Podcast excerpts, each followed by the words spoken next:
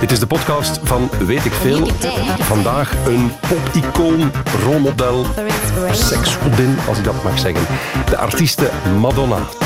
Centrale gast is Steve de Koning de Boek. Hij zag haar al 24 keer live optreden.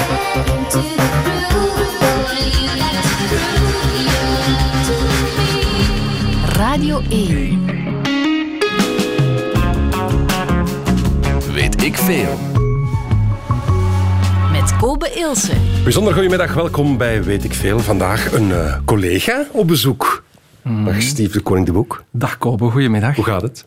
Heel goed. Ja, zoals het weer. Aan wat hebben wij, of aan wat heb ik de eer te danken dat eh, jij bij ons komt zitten? We gaan het vandaag hebben over Over Madonna, een van de grootste, waarschijnlijk de grootste vrouwelijke artiest aller tijden. Zeg je zomaar even. Eh, dat zeg ik op basis gewoon van, van data, zeg maar. Ah, niet, want je, begint- je ogen blinken ook, hè? dat, is ook, dat, is ook, dat is ook wel zo, maar het is Ja. officieel ook wel de, de, de vrouwelijke artiest die het meeste muziek heeft verkocht tot nu toe. Oké. ook- er is geen enkele artiest ook, eh, en dat is algemeen, die, die meer concerttickets heeft verkocht, behalve U2 en de Rolling Stones, maar dat zijn groepen. Ja. Dus ze heeft heel, heel veel records gebroken. Het is een absoluut icoon. En iconen fascineren mij, populaire cultuur fascineren mij. En Ja, ik- is een belangrijk onderdeel daarvan. Ik ken jou binnen de VRT ook een beetje als de man van, van Eurosong en, en het Eurovisie Songfestival. Ben je daar nog altijd mee bezig op de VRT op dit moment? Ja, op dit moment zit ik bij, bij strategie en programmering bij, bij VRT1. Eh, ik ben in mijn eh, vrije tijd ook professional coach eh, geworden. Daar ben ik heel blij mee. En dat doe ik bijvoorbeeld om, om mensen nog beter te begrijpen. En eigenlijk is dat de rode draad do- doorheen mijn leven. Dat is ook bij Madonna zo. Ik ben gefas- gefascineerd door artiesten, door, door, door, door, door titels, door boeken, noem het, politieke partijen, whatever, die heel breed mainstream gaan. En daar wordt dan soms op neergekeken. En ik ben op, altijd op zoek naar de dynamieken. Waarom Ja, ja. is iemand populair? Ik vind dat razend, razend interessant. En dan is Madonna echt wel een geweldig iemand om te bestuderen. En je natuurlijk. zegt, ik wil graag mensen be- begrijpen. Begrijp je Madonna? Is zij te begrijpen? Ik denk dat iedereen te begrijpen valt, maar dat er heel veel facetten aan iedereen eh, zitten. Eh, ik volg haar al op de voet sinds 1984. Ik heb eh, heel veel gelezen over haar. En er zijn wel een aantal dingen, heel duidelijke rode draden voor mij. Dus ik, ik ga niet zeggen dat ik ze eh, eh, eh, eh, 80% zelf maar begrijp, maar ik, ik hoop toch wel 30%. Goed zo. We gaan een uur praten over inderdaad een icoon, een muziekicoon. En we dachten, we draaien muziek uit elk decennium. Ze is eh, bezig sinds de jaren 80, als ik het eh, goed heb. En eh, laten we beginnen met Crazy For You, is dat goed? Goh, dat is een hele, hele goeie. Ja. Ja, je hebt hem zelf gesuggereerd. Hè? Waarom heb je die gesuggereerd? Waarom? Omdat als ze dat nummer, als het al eens live brengt, dan zegt ze altijd dedicated to all the fans die mij door dik en dun hebben gesteund. Dat zegt ze dan bij. En dan voelt iemand als ik mij enorm... Persoonlijk aangesproken. Ja. Speciaal voor jou, Steve. En uiteraard voor iedereen die luistert naar Weet ik Veel. Madonna en Crazy For You.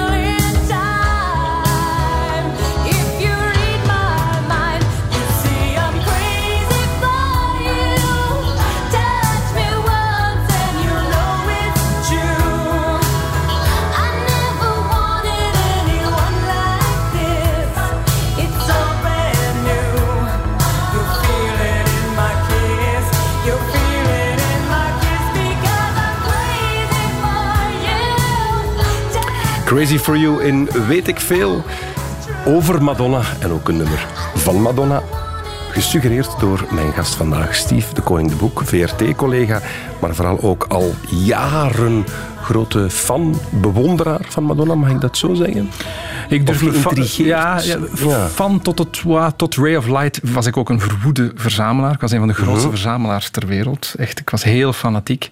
Maar dan is de liefde in mijn leven gekomen en ben ik overgeschakeld naar bewonderaar. Want het, het werd een beetje te veel voor Ja. mijn toenmalige Werd het creepy? Het werd, ja, zo, zo eh, eh, er was someone else in the house, zeg maar. En hoe, wat moet ik begrijpen bij verzamelaar? Kamers vol? Eh, Muren vol? kamers vol, ja. En ik heb er nog ook heel veel van bewaard. En ook alles wat, wat, wat bootleg materiaal was. Hè. Met andere woorden, elk concert ja, wordt wel op een of andere manier opgenomen. Dat had ik, eh, heb ik nog altijd. Mhm. Dus eigenlijk heb ik best nog, nog altijd wel een hele grote, unieke verzamel, verzameling. Maar ik, ik, ik doe er geen dingen meer bij. Bewonderen is nu goed genoeg in deze fase van mijn leven. Ja, we zijn bij Radio 1, dus laten we beginnen met de actualiteit. Want Madonna is weer helemaal hot op dit moment. Niet alleen door haar, mag ik zeggen, een beetje opgeblazen voorkomen de laatste tijd op Instagram, hè, want er is van alles gebeurd. Maar ook door een tournee die ze dan ging doen, maar dan weer ziek. En, eh, vertel, wat is de actualiteit rond Madonna? Het is ei- eigenlijk heel eenvoudig. Ehm, eh, ze eh, was bezig met de voorbereiding van haar twaalfde tournee, de Celebration Tour. Eh, de eerste Greatest Hits Tour, die ze trouwens doet. Het is zo dat ze meestal niet zoveel hits brengt tijdens een eh, concert, maar nu een Greatest Hits Tour. Heel groot. En zoals Madonna altijd doet, is, is dat maandenlang repeteren, intensief repeteren, ongeveer 12 uur eh, per dag. En wat er een paar weken geleden gebeurd is, is dat ze slachtoffer geworden is van een bacteriële infectie. Ze liep al duidelijk een maand lang blijkbaar rond met koorts, maar ja, ze ging maar door en door en door. En ja, ze is, ze is ineengestort, waardoor de tournee is uitgesteld. En zoals het er nu naar uitziet, begint ze niet in Amerika zoals voorzien, maar begint ze in Europa, waardoor, en dat is dan een beetje goed nieuws, sorry voor de Amerikanen, ze begint in Europa in oktober in Londen en een week later zit ze hier in Antwerpen voor twee concerten. Dus wij gaan het tweede, normaal hopelijk, het tweede land zijn eh, dat ze aandoet met haar Ja. groots opgezette Celebration Tour. Ga jij al in Londen kijken, Steve? Wel, eh, ik, heb, eh, ik, ik, ik ga vier keer dit najaar en ik dacht ik ga Londen dit keer niet doen, omdat ja, ze is daar goed, maar ik weet, ik weet wel wat de vibe daar is. En Ja. nu zeg ik natuurlijk verdorie, want nu, de tickets die ik nu nog kon bemachtigen, waren 1400 pond. Oeh. En dat vind ik toch wel heel, heel veel. Maar je gaat vier keer kijken. Ik ga tuurlijk vier keer kijken, tuurlijk. Tuurlijk, evident, uiteraard. Ja, Het is een spektakel dat je echt verschillende keren moet zien, want het is een echte show. Dus met andere woorden, al je zintuigen worden geprikkeld. Eén keer is dan te weinig om het geheel te vatten. Oké. Eh, laten we beginnen bij het begin. Madonna, een ontdekking. Heeft ze een lokale talentenjacht gewonnen? Hoe, hoe is het gebeurd? Nee, ze heeft geen lokale talentenjacht gewonnen, zoals de Britney Spears en Christina Aguilera's van, eh, van deze wereld. Er was ook nog niks als Disney Channel eh ofzovoort. Ze heeft het eigenlijk, zelf gedaan. Eh, ze, was op middelbare school heel goed in dansen. In dansen. En ze was zo goed dat ze een, een beurs kreeg om naar de University of Michigan te gaan voor een hele dure, een hele dure dansopleiding. Dat heeft ze gedaan, Eh, maar dat werd ze al gauw beu, want ja, dat was vier jaar lang en ze wou echt beroemd worden. Ze wou echt dat de wereld haar kende en dat ging allemaal te traag. Dus ze stopt met die lessen en op 19-jarige leeftijd gaat ze naar New York en eh, besluit zich daar meteen in de professionele danswereld eh, te storten. Maar daar ziet ze al vlug kopen van, nou, dit gaat het niet worden. Ik bedoel, ik kom hier terecht tussen zoveel jongens en meisjes eh, en ik denk ook eerlijk gezegd niet het grote, unieke danstalent. En dan wat doet ze? Heel slim, ze begint te verbreden. Ze begint te verbreden, ze begint nummers te schrijven, ze leert eh drum spelen, gitaar spelen, ze begint in bandjes eh, te spelen. Oké, ze is Ja. echt muzikant ook. Absoluut, absoluut. Ah, ik dacht dat, dat het gewoon een provocateur was. Nee, het is, nee, is- nee. En ook een zwaar onderschatte tekstschrijver tot op de dag van vandaag. Ook haar eerste nummers heeft ze allemaal zelf geschreven. En met die nummers is ze gaan leuren bij DJ's in discotheken, want ze wou dansmuziek maken. Ja. Dan heeft ze- heb je ook de combinatie met het eh, dansen dat ze, dat ze graag deed. En ja, ze heeft dat goed gedaan, want in 82 heeft ze een, een platendeal gekregen en eh, is ze de wereld ingelanceerd met, met Everybody. Dat was een bescheiden hit in Amerika. Ja. Maar dan een jaar later was het eigenlijk al veel meer prijs, want toen kwam Holiday, een nummer Maar dat we wacht, wacht, allemaal kennen. want ik heb mijn Spotify openstaan. We het willen, we willen, we willen alles gevoeld hebben. Dus dit is de Everybody. is Everybody dit? is het eerste nummer. Ja. En dit heeft ze zelf geschreven? Dit heeft ze zelf geschreven, absoluut. Ook tekst, muziek, alles? Ja, alles. Ja, Even luisteren. Ja. Ik denk wel heel ethisch zo. Hè? Het is heel ethisch en er zijn ook nieuwe versies van, want ze brengt het ook tijdens uh, uh, concerten vaak. En dan is het in een totaal nieuw, uh, totaal nieuw jasje en is het echt wel heel, heel modern. Ja, ja daar is haar stem. Het is wel al heel Madonna. Wel, meteen, je hoort die, het sensuele van, hè, van het, het gaat ze, ze, kijkt naar iemand, maar ja. je hoort meteen, zij begint te praten op een sensuele toon en she's in the lead. Dus de, ja, ja, de teksten die ze schrijft, en dat is op de dag van vandaag, is niet, oh, ik zie graag een jongen en ik ga, ik ga alles doen voor die jongen. En zo. Nee, she's in charge. Die, die, wat wij soms een beetje uh, provoceren noemen, is eigenlijk een rode draad door heel die carrière. Het is een hele sterke persoonlijkheid die altijd gezegd is van ik wil op gelijke voet staan uh, uh, met mannen en ik wil mijn seksualiteit en sensualiteit mm -hmm. beleven. Dat zat er eigenlijk vanaf dag één in. Is oké okay, groter geworden met marketing en met videoclips, maar vanaf 1982 zat het er al stevig, stevig in. Het is misschien een heel verkeerde gedachte, maar als ik een jonge dame of een jonge heer zo seksueel zie doen, denk ik altijd, is dat om zich af te zetten tegen iets of iemand. Een, een, een opvoeding, een overaanwezige vader, uh, een, een, afwezige moeder. Zoiets. Is dat het geval bij haar? Mm -hmm. Ik denk dat je, dat je potentieel echt wel op het juiste spoor daar, uh, daar zit. Ik denk ja. dat het allemaal begonnen is op vijfjarige leeftijd. Toen verloor ze haar moeder aan borstkanker. Haar moeder was maar, maar 30 jaar. Uh, en dus ja, Madonna is vijf jaar. Dat heeft een mega, mega impact uh, op haar. Dat is echt de grote rode draad door, uh -huh. doorheen haar leven. Maar het gevolg is natuurlijk dat haar, haar uh, vader het huishouden niet zo makkelijk meer kan runnen. Een huishoudster in dienst neemt, daar verliefd op wordt en daar uiteindelijk ook mee trouwt. En dus ze krijgt opeens een stiefmoeder, Joan, en ze kan daar niet mee overweg. En je zit echt wel op het juiste spoor, want die stiefmoeder heeft hele zware conservatieve waarden. Ze mag later bijvoorbeeld geen tampons dragen, want dat kan de maagdelijkheid beïnvloeden. Uh, de, de, lengte van de rokken uh, uh, is bepaald. En ze vindt het ook heel erg, Madonna, dat haar, haar broers meer mogen dan zij. Dus het, het bodert absoluut niet met die schoonmoeder. En dat dat een van de dingen is, de rebellie die een, een, andere rode draad doorheen haar leven mm -hmm. vormt. Uh, ik denk dat de basis daar echt wel wordt gelegd, ja. Ik moet uh, spontaan dan aan dit nummer denken. Als je dat zegt. Ja, Papa Don't Preach. Het is Papa Don't Preach. Dat ja. gaat daarover? Nee, nee, ah, okay. nee. nee, nee. Stoem. Het gaat, maar dit gaat over een tienerzwangerschap. Het gaat over ah, ja. een tienerzwangerschap. Ik denk, dit is, is geen nummer om zich af te zetten ten opzichte van uh, uh, haar vader. Het kan wel zo geïnterpreteerd uh, worden. Er zijn andere nummers en andere stukken interview die daar, die daar wel over gaan. Maar dit niet. Nee. Ah nee, nogthans, Papa Don't Preach. Het gaat niet over haar nee, eigen maar het vader. gaat over tienerzwangerschap. En met andere ah, woorden moet ik het kind houden of niet. En, en, en de vader heeft altijd gezegd, ja, je mag niet met die jongen omgaan. It's trouble enzovoort. Maar ja, ik, ik ben er verliefd op. En dan blijkt, blijkt ze ook nog eens zwanger te zijn. Allee, het, het, meisje in, in het verhaal, zeg maar. En ze besluit om de baby uh, te houden. Dat was ook al meteen een controverse. Ze kwam opeens, dat was in 86, terecht tussen de mensen pro-abortus en, en, en, en, en uh, tegen abortus. Van, ja, ja, het kind houden, dat is geen goed idee. Uh, maar de anderen zeiden het omgekeerd. Dus ze kwam opeens in een storm, storm terecht dat eigenlijk niet de bedoeling was. Het was eigenlijk vooral de bedoeling om een gewoon popliedje te maken. Een popliedje, we gaan even luisteren naar een popliedje, want het is een heel goed popliedje. Mm -hmm.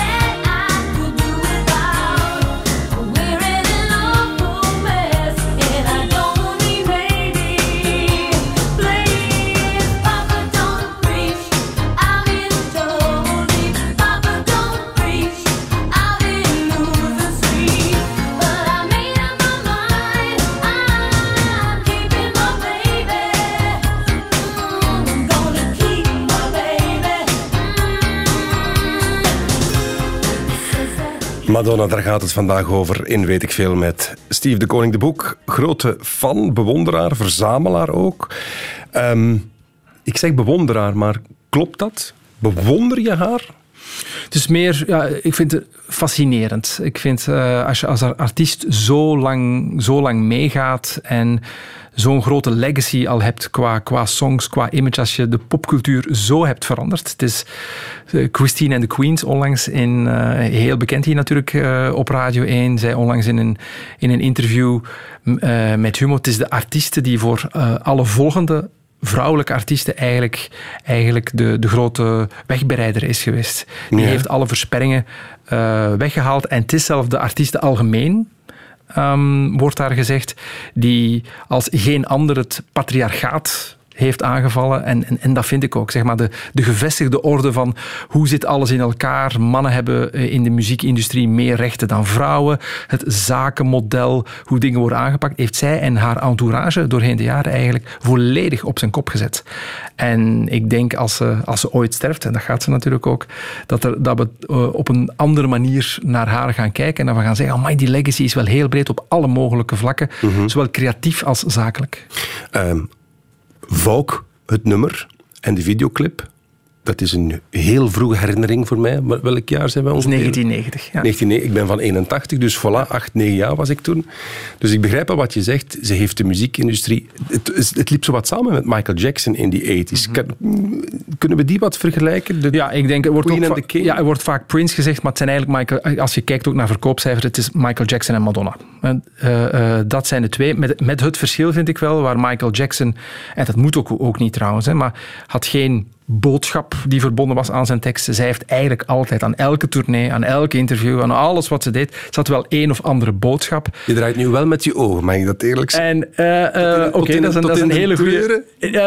nee, maar dat is, dat, dat is een, dat, dat is een mooie, eh, mooie opmerking waarschijnlijk, een mooie observatie van jou. Want ik, ik vind het heel, heel goed dat je, als je op dat niveau zit, als je een aantal boodschappen eh, kan slijten. Niet dat je dat ho- hoeft te doen, maar het is toch wel een hele grote plus. Je hebt echt wel heel veel impact op heel veel jonge mensen.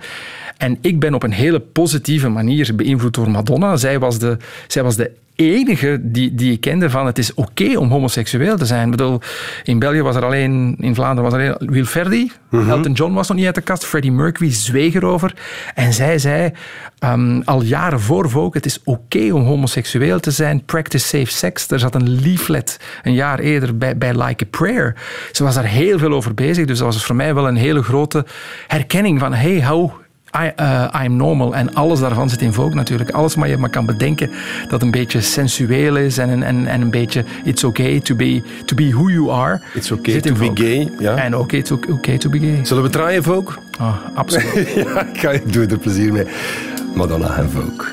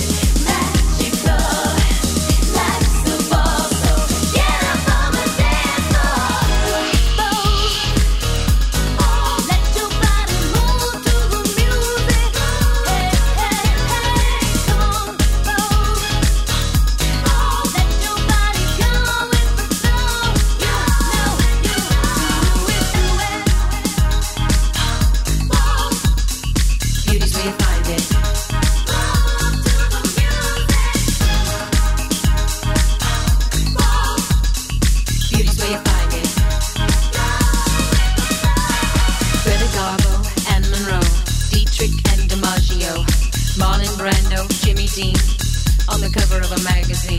Grace Kelly,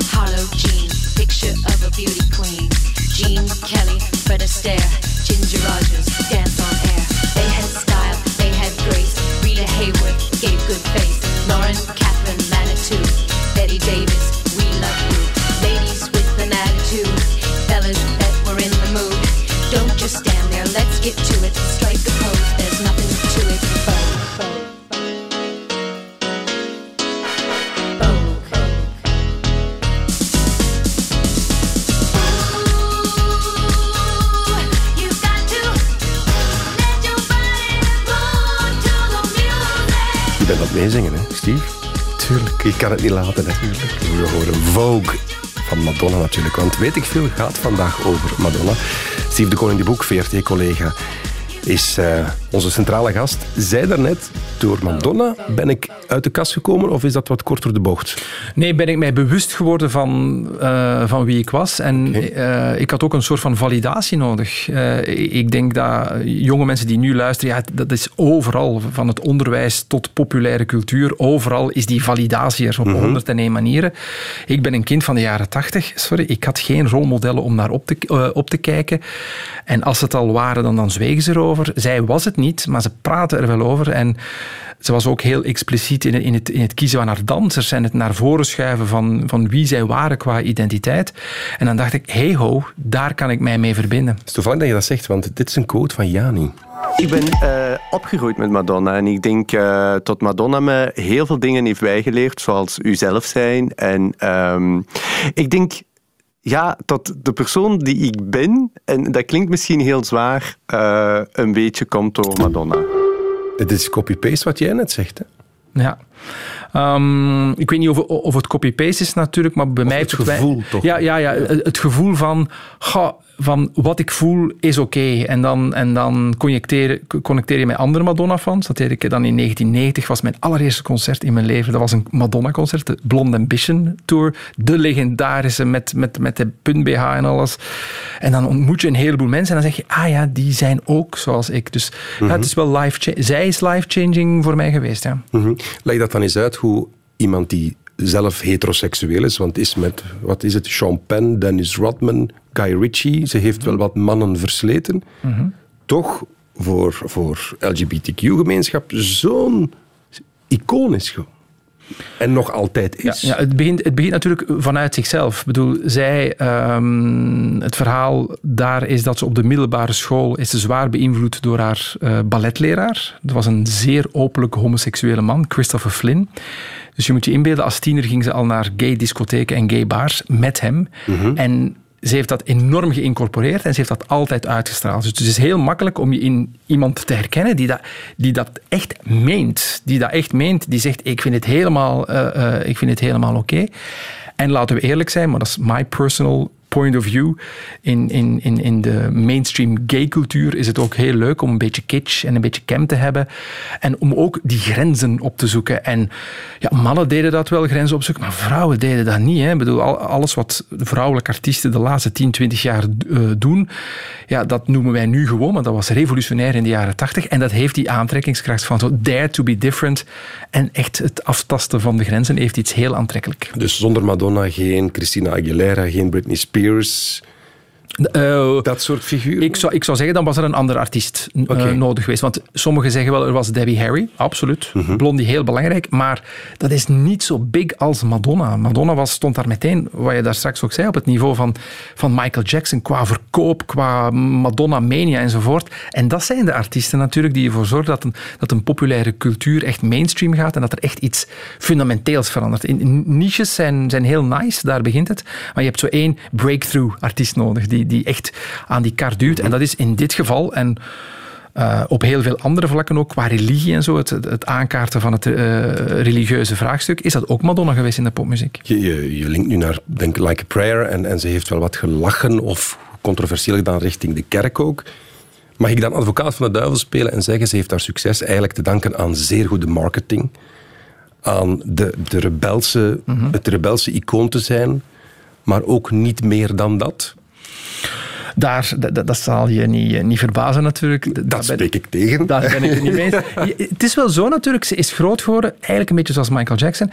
Natuurlijk op het moment dat MTV kwam. En dus, bedoel, je had wel Michael Jackson, je had Prince, je had een heleboel andere, Aerosmith enzovoort. Maar ja. ja, ja, zij komt er als eerste vrouw zeg maar, in. En ze heeft dat medium veel beter benut dan bijvoorbeeld Cindy Lauper op dat moment. Ze heeft helemaal ingespeeld daarop. Dus is marketing en een goed verhaal belangrijk? Ja. Maar seks. seks, absoluut. Maar seks zelfs en is een evergreen natuurlijk. Maar het was de eerste vrouw die het deed. Ik bedoel, wat Prince in die tijd op het podium soms deed, op bedden.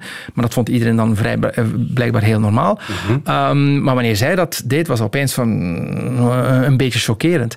En ik begrijp wel dat een deel, een groot deel, misschien zelf van haar verhaal gebaseerd is op, op, imago. Maar anderzijds, um, ze heeft nog altijd het, de best verkochte compilatie aller tijden is van haar, komt uit 91, is de Immaculate Collection. Ze heeft in, alleen in Amerika, heeft nee, in Engeland heeft ze meer dan uh, eh, 60 top 10 hits. Meer dan 60. In Amerika een veertigtal bij, en bij ons ook. Dus met andere, woorden, met andere woorden, ze heeft ook de body of work, zoals ze zeggen, muzikaal, to prove it. Ze heeft hits van hier tot in Tokio. Waar een heleboel andere artiesten die ook die seksuele sfeer uh, opriepen en, en, enzovoort, die gaan één, twee albums meer, meer one-hit wonders. Maar zij is geen one-hit wonder. Wat is het meest controversiële nummer? Dat je zegt van ja, dat was echt dit was met de voeten vooruit. Dit was... Ja, ik, ik denk het ganse Erotica album uit, uit 92. Dus uh, was een zeer seksueel getint album, dat nu jaren later pas echt wordt gewaardeerd. Um, zeg maar, omwille van, van toch wel de doorbraak qua thema's en, en, qua manier van productie. Maar op dat moment was het toch wel heel far-fetched om over je seksuele fantasieën te zingen, te van het album? Ik heb het even open. Van, voor mij is het Bad Girl. Bad Girl, dus een van de zachtere nummers. Hoort ook een prachtige videoclip uh, bij. Um, dat is echt een, een, een heel mooi nummer. Ga je kunnen bedwingen? Ik kan me altijd bedwingen komen. Even Bad Girl. Duurt 523.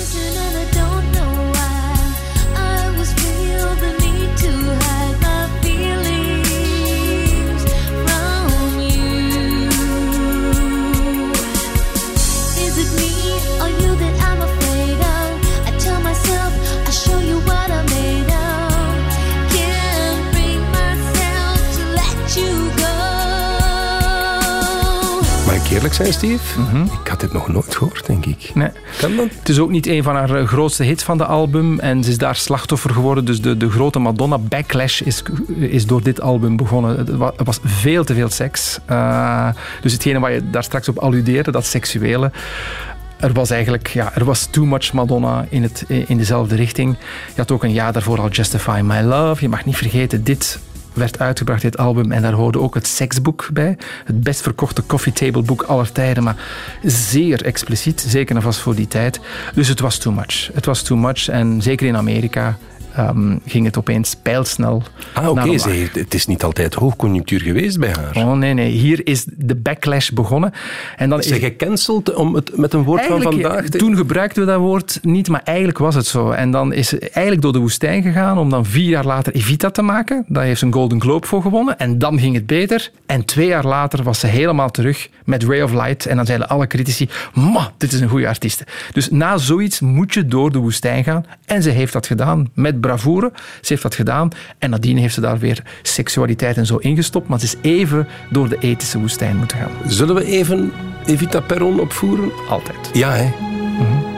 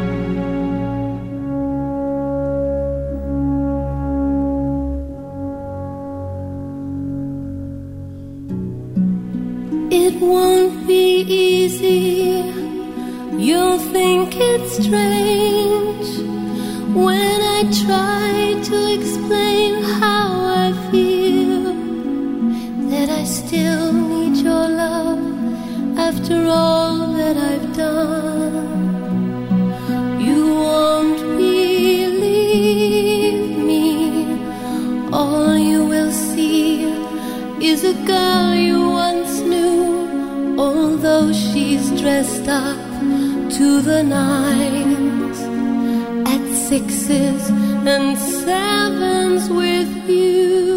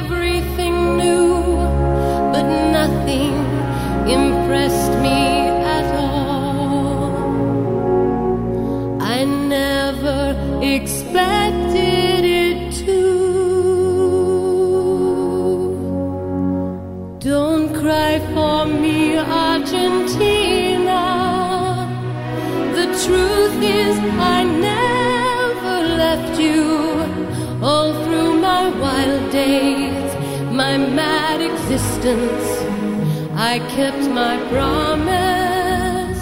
Don't keep your distance.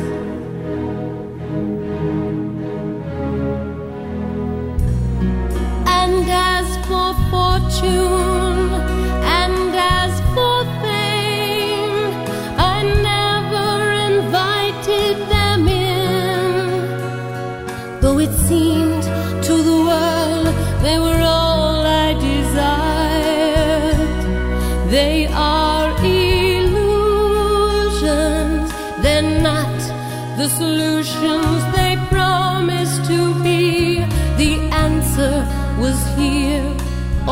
time.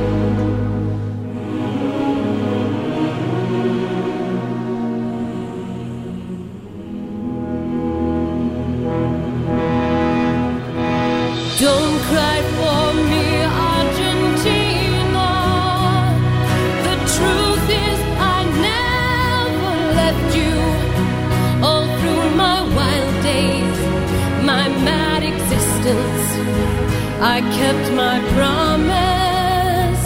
Don't keep your distance. Don't Cry For Me, Argentina van Madonna. In weet ik veel over Madonna met Steve de Koning de Boek, VRT-collega en kenner. Een volger van Madonna al vele jaren, hebben we geleerd vandaag. Steve, ze acteert ook in Evita. Is het een goede actrice? Dat is Les Goûts et, les Couleurs natuurlijk. Voor mij is ze een zeer matige eh, actrice. Dat is heel eerlijk. Ja, ze is op, op, op zijn best eigenlijk in videoclips. Ze acteert zeer goed in videoclips.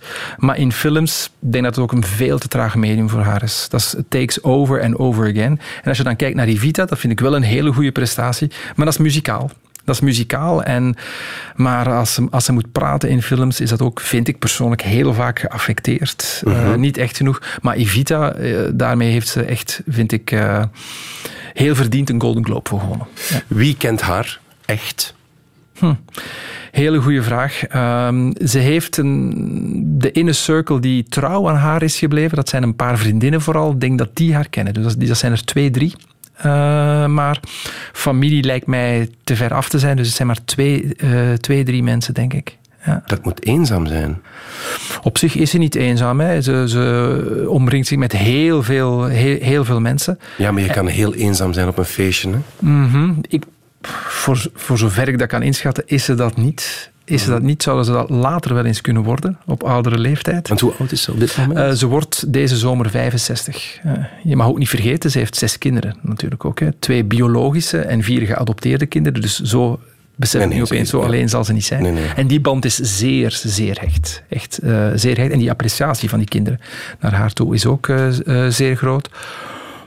Maar er zijn genoeg verhalen bekend dat je niet altijd voor altijd en eeuwig in de gratie bent van, eh, van Madonna. Dat is daarom niet gebruiken, maar zij gaat door fases in haar leven waar ze met sommige mensen opeens niet meer connecteert. En dan gaat ze gewoon verder.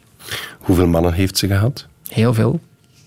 En nu heeft ze een, een, een- alweer een hele jonge gast. Maar er zijn nog andere artiesten. Ik las eh, vorige week dat Cher met iemand aan het daten is die 39 jaar jonger is. Met andere woorden, Madonna is zeker en vast niet de enige. Maar ik denk dat ze daar ook... Ik denk dat ze denkt, eh, ik leef maar één keer. En ik ga ervoor. Ik ga ervoor. En dat vind ik ook express yourself. Dus Ja. dat ze maar doet wat ze doet. Daarnet zijn de namen Sean Penn, Dennis Rodman, herinner ik mij, en Guy Ritchie al gevallen. Kan je nog aanvullen?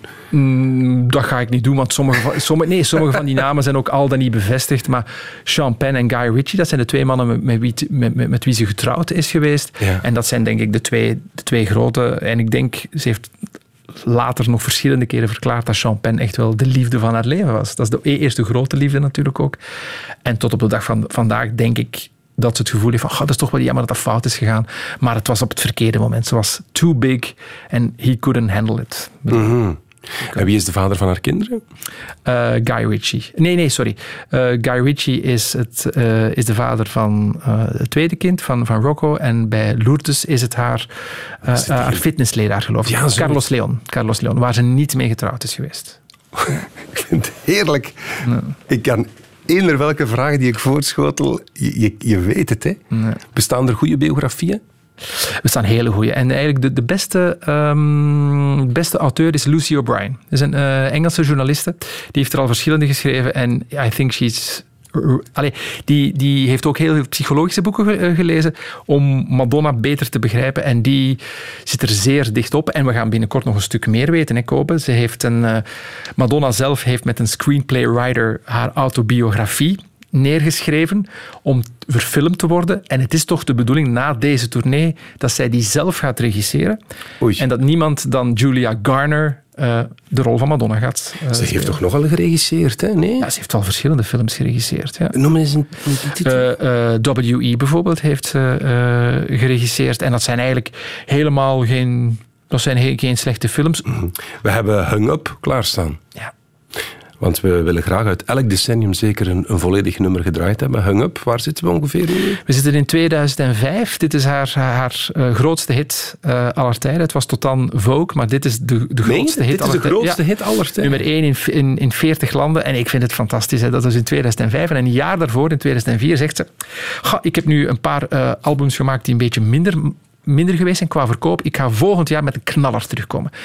En ik hoorde dit voor het eerst. Ik dacht, dit is zo commercieel. Maar zo ongelooflijk commercieel. En ja, het werd ook een megahit. Ze wou nog eens enorm scoren. En daar hoorde dan een tournee en alles bij. Ja, was eh, het dak eraf in 2005.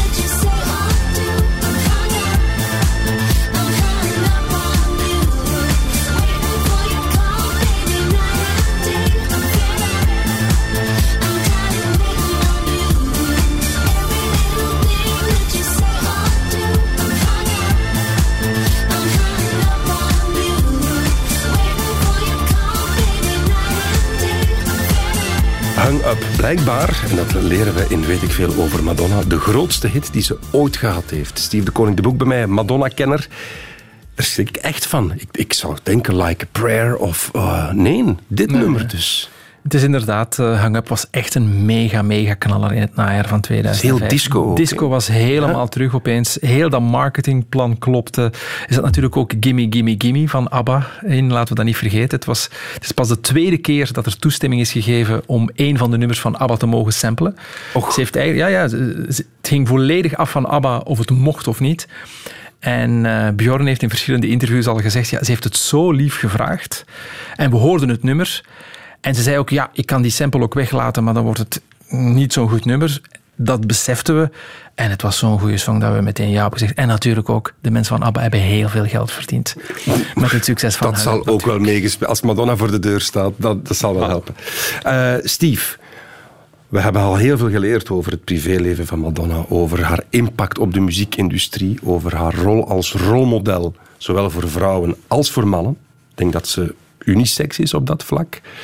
Ehm, heeft ze daar heel veel geld mee verdiend ook, en cours de route? Is Ja. zij stinkend rijk geworden daarmee? Of zijn er slimme managers die met veel meer gaan lopen zijn? Volgens wat we weten, maar de, de cijfers lopen uiteen. Er is een schatting dat, dat ze 700 à 800 miljoen eh, eh, waard is. Dus dat is, dat is aardig wat. En de zakenbladen, vooral de Amerikaanse zakenbladen, die, die volgen ook artiesten op, eh, op de voet. Ik vind dat ongelooflijk dat ze zich daarmee bezighouden. Die zeggen dat het een van de, van de smartest business eh, women eh, in de industry is. En altijd al geweest. Qua rechten, qua onderhandelen, altijd al geweest is. Dus is ook op business-wise blijkbaar heel savvy. Heel savvy. Mag, ja, dat mag ik. ach, ik vind het eigenlijk erg om te zeggen, maar het verbaast me dat je het woord slim op Madonna plakt. Maar dat, is, dat zegt meer over mij dan, dan, dan over Madonna misschien. Maar Ja. ze heeft zich nooit geprofileerd als academicus, ik zal het zo zeggen. Nee, maar bijvoorbeeld in hele lange interviews, dan, dan kom je te weten eh, welke boeken ze allemaal leest en waar ze in geïnteresseerd is. Maar dat, lans- dat doet ze alleen maar in hele lange interviews voor voor bijvoorbeeld Billboard of Rolling Stone. Want ze weten dat het, het grote deel van het publiek is daar niet naar op zoek. En is op zoek naar die ene soundbite waarmee ze dan in, in de media kan komen. Mag ook niet vergeten, for what it's worth. eh, op de middelbare school was zij gewoon een straight A-student. hè. Straight A-student. Mijn overtuiging is echt dat ze een hele slimme vrouw is. En dat ze heel veel weet. Maar in die popmuziek is het ook niet zo belangrijk en misschien ook helemaal niet zo sexy om daarmee uit te pakken, denk ik dan. Nee, dan is het beter, erg om te zeggen, maar dan is het als vrouw misschien, zeker in de jaren tachtig, was het slimmer om te kronkelen op een bed dan om, dan om te laten zien hoe slim je was. Absoluut. Hoe achterhaald dat op dit moment gelukkig ook is. Eh, elk decennium moet bediend worden. Rebel Heart willen we graag nog, eh, nog draaien. Dan zijn we in... Dan zijn we in 2015, als ik me niet vergis. Dat is ook het eh, jaar waarin ze voor het eerste keer naar Sportpaleis is gekomen met de Rebel Heart Tour. Ik ga een heel overbodige vraag stellen. Was jij daar? Tuurlijk was ik daar. Tuurlijk was ik daar. En ik vind Rebel Heart heel, heel belangrijk, omdat die tekst ehm, ze, allee, geeft volledig de geschiedenis mee van wie ze is. Ze zegt daar, ik heb veel dingen gedaan om op te vallen, om aandacht te krijgen. Nadien heb ik, ben ik meer introspectief geworden. Ik blijf die Rebel Heart eh, hebben. Ik heb me vaak eh, verzet tegen mijn vader. Ik bedoel, ehm, als ik één song zou moeten kiezen, inhoudelijk qua tekst, waar ze heel eerlijk is over, over zichzelf, is het gewoon Rebel Heart. Rebel Heart van Madonna. First you loved me and I let you in. Made me feel like I was born again. You empowered me, you made me strong. Built me up and I could do no wrong. I let down my guard, I fell into your arms. Forgot who I was, I didn't hear the alarms. Now I'm down on my knees, alone in the dark. I was blind to your game, you fired a shot in my heart. Fall. Now that it's over, I'm gonna carry on. Lifted me up and watch me stumble.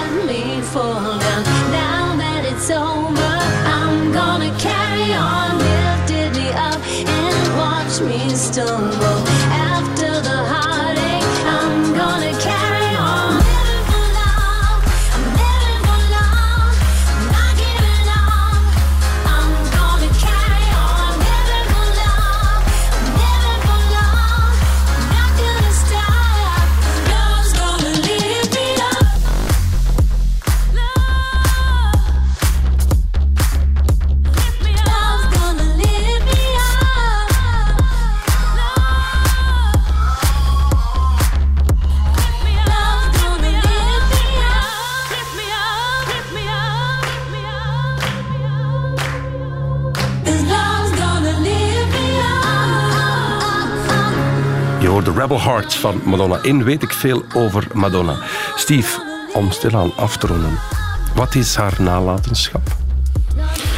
Ik denk dat haar nalatenschap is dat ze als eerste dat het allee, dat ze baanbrekend geweest is als vrouwelijke popartieste. Dat zij eigenlijk de wegbereider is voor allegenen die daarna gekomen is. En dat zij alles wat te maken heeft met gevoelige onderwerpen, met onderwerpen waar normaal alleen maar mannen over praten, dat zij zeg maar heel dat eh, karkas heeft eh, opengebroken.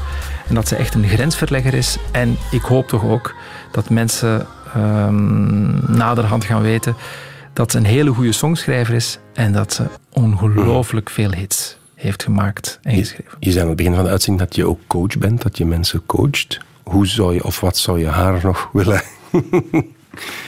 Een coach uh, um, coach alleen maar op de, de, thema's waar de coachie mee aan de slag wil. Met andere woorden, dan zou zij een onderwerp naar voren, uh, mm-hmm. naar voren moeten brengen. Wat zou ze zeggen? Um, iets waar ze mee struggelt. Ik denk dat ze op dit moment echt struggelt met het feit dat ze die wereldtournee uh, pas later kan beginnen en dat, uh, dat eigenlijk dat ze haar lichaam niet correct heeft ingeschat. Dat heeft ze tot nu toe altijd gekund. En nu, ze heeft maar doorgewerkt en doorgewerkt en ik denk dat ze daar echt mee zit. Dus ik denk dat ze op dit moment echt wordt geconfronteerd met haar sterfelijkheid. Ik, ik word geconfronteerd met haar plastische chirurgie, waarin ze, naar mijn bescheiden mening, zichzelf een beetje verminkt. Wat ik, wat ik de laatste tijd gezien heb qua foto's. Wat zit daarachter? Is dat het niet oud kunnen worden? Is dat, is dat relevant willen blijven? Want, laten we eerlijk zijn, muzikaal, de Taylor Swiften van deze wereld zijn, zijn veel groter ondertussen. Mm-hmm. Uh, ik vermoed dat daar een overtuiging, dat is dan de coach in mij, dat daar de overtuiging aan vastzit. En, en iedereen heeft recht op een overtuiging. Dat als ze dat genre concerten nog wil, wil brengen, dat ze er jong genoeg moet uitzien. Ik denk dat dat haar overtuiging is. En dan heeft ze die chirurgie daar, daar, daarvoor over. Ik denk dat dat haar overtuiging is. Daar heeft ze recht op, heb ik ook mijn mening over. Moet je jezelf dat aandoen. Maar ik denk dat dat haar diepe overtuiging is. Om, om die show te, uh, zeg maar op poten te zetten en om dat goed te kunnen doen, wil je een bepaald plaatje. Ik denk dat ze dat denkt in onze plaats. En ja, dan doet ze dat. Maar ze duikt dan soms op in filmpjes als een 65-jarige vrouw in lingerie, al dansend. Is het niet zielig aan het worden? Ja, dat is hoe je het bekijkt. Natuurlijk ook dat weer. Waar komt dat beeld vandaan dat je als 65-jarige man, vrouw, whatever, dat je zoiets niet zou mogen doen? Dus met andere woorden, dat zijn een aantal ja, ja, dat klopt. algemene maatschappelijke verwachtingen. Als we terugkijken naar hoe ze groot worden in de jaren 80, heeft hij eigenlijk op geen enkel vlak daar ooit iets van aangetrokken. Mm-hmm. Van ik doe wat ik doe. En als er geen publiek meer is, dan gaat ze beginnen nadenken. Maar ik denk als ik zie hoe uitverkocht de Celebration Tour all over the world is, dan denk ik, she doesn't really care. Dus mensen die vandaag gedacht hebben, ik wil ze wel eens bezig zien, te laat. Uh, ik denk dat het nu heel uh, snel gaat gaan, omdat het nu echt ook bekend is dat ze in Europa begint. Met andere woorden, we komen niet achter de Verenigde Staten aan. Het is nu jouw kans om de Tour heel fris te zien. Oké, okay, goed. Dit was Weet ik Veel over Madonna. Bedankt Steve, tot de volgende keer.